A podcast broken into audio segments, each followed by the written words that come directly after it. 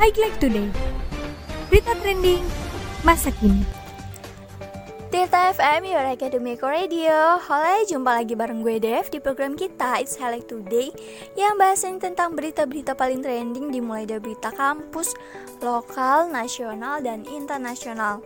Pokoknya tetap dengerin kita ya di Spotify And don't forget ikutin terus akun sosial media kita di line at kch7679i IG kita di @tirta.fm Di Twitter tirta.fm Sawadikap Akademia So asik banget gak sih? Gue pakai bahasa Thailand.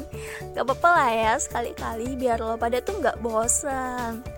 Nanti-nanti gue bakal pakai bahasa Tarzan deh buat nyapanya Ya, balik lagi sama gue Dev yang bakal bincang-bincang seru dan ngasih lo berita-berita trending biar gak kudet sama info terkini.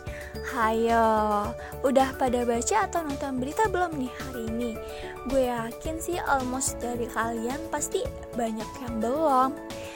Alah, berita mah gak penting, gak ngaruh sama hidup gue Mending stalking sosmed mantan apa gak nungguin live idola Dulu gue juga sama sih mikirnya begitu But akhirnya gue sadar jadi orang yang tahu banyak info dari luar sana Bikin gue melek sama apa yang lagi ongoing.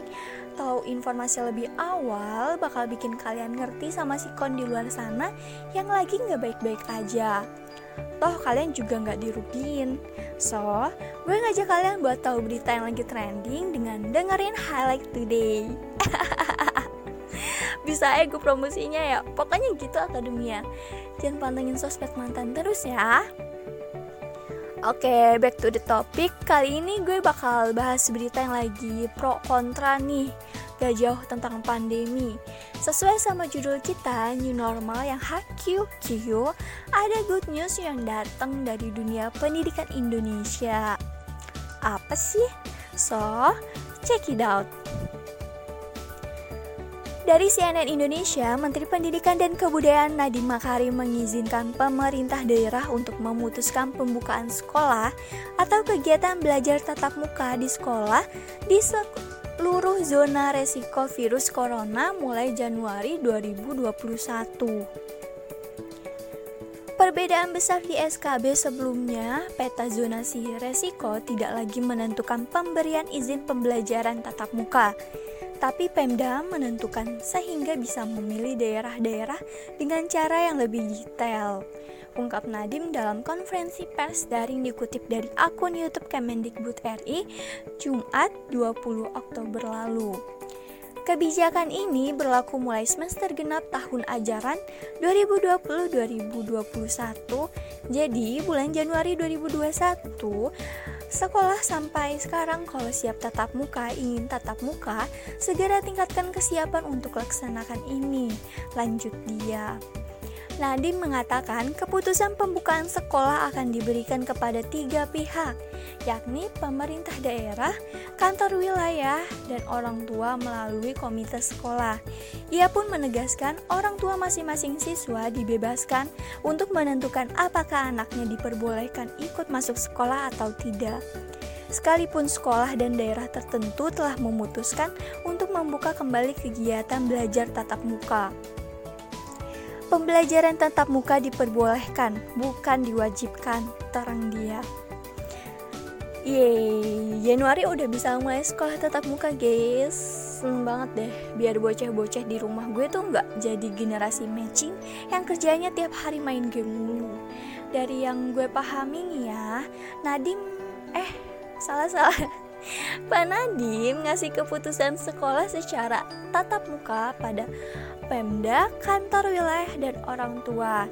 Jadi tergantung dari tiga pihak ini nih, sekolah bakal tatap muka kayak biasa atau enggak. Terus juga orang tua dibebasin buat ngambil keputusan antara ngebolehin anaknya atau enggak buat ikut belajar secara tatap muka di sekolah. Beda lagi sama dunia pendidikan di jenjang perkuliahan. Dari CNN Indonesia, Majelis Rektor Perguruan Tinggi Negeri Indonesia berencana memprioritaskan mahasiswa tingkat awal untuk kuliah tatap muka di kampus di tengah pandemi virus corona. Mahasiswa baru diutamakan karena belum pernah merasakan kuliah tatap muka. Sebelumnya, Mendikbud Nadiem Makarim sudah memperbolehkan daerah membuka kembali kegiatan belajar mengajar secara tatap muka. Yang diprioritaskan justru mahasiswa tingkat awal karena mereka belum pernah masuk kampus. Ini kami prioritaskan, ungkap Ketua MRPTNI Jamal Wiwoho kepada cnnindonesia.com melalui sambungan telepon Senin 23 November lalu. Direktur Jenderal Pendidikan Tinggi Kemendikbud, Nizam, mengatakan kebijakan pembelajaran di kampus serupa dengan pembukaan sekolah. Rektor yang ingin membuka kampus tinggal berkoordinasi dengan pemerintah daerah setempat. Kami sudah berkoordinasi dengan para pemimpin perguruan tinggi untuk membahas kesiapan dan persiapan perkuliahan semester depan sebelum kita keluarkan kebijakan untuk perkuliahan semester depan. Secara umum, kebijakan di pendidikan tinggi akan mengacu pada SKB 4 Menteri, ungkapnya kepada cnnindonesia.com. Sebelumnya, Mendikbud Nadiem Makarim memberikan pemerintah daerah kewenangan sepenuhnya untuk kembali melakukan pembelajaran tatap muka di instansi pendidikan di semua zona. Ia menegaskan bahwa pembelajaran tatap muka bukan kewajiban.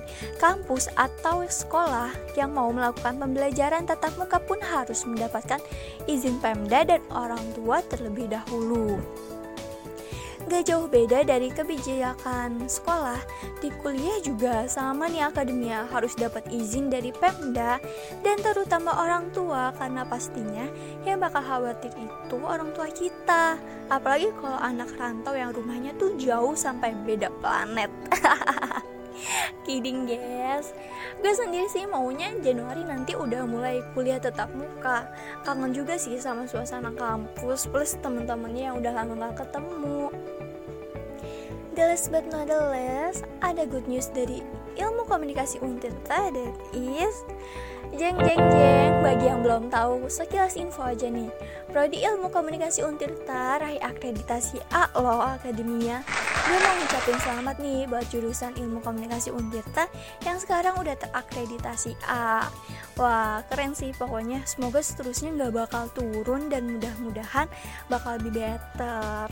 Amin Oke, sampai di sini dulu kita ngobrolnya. Pokoknya tetap dengerin kita ya di Spotify.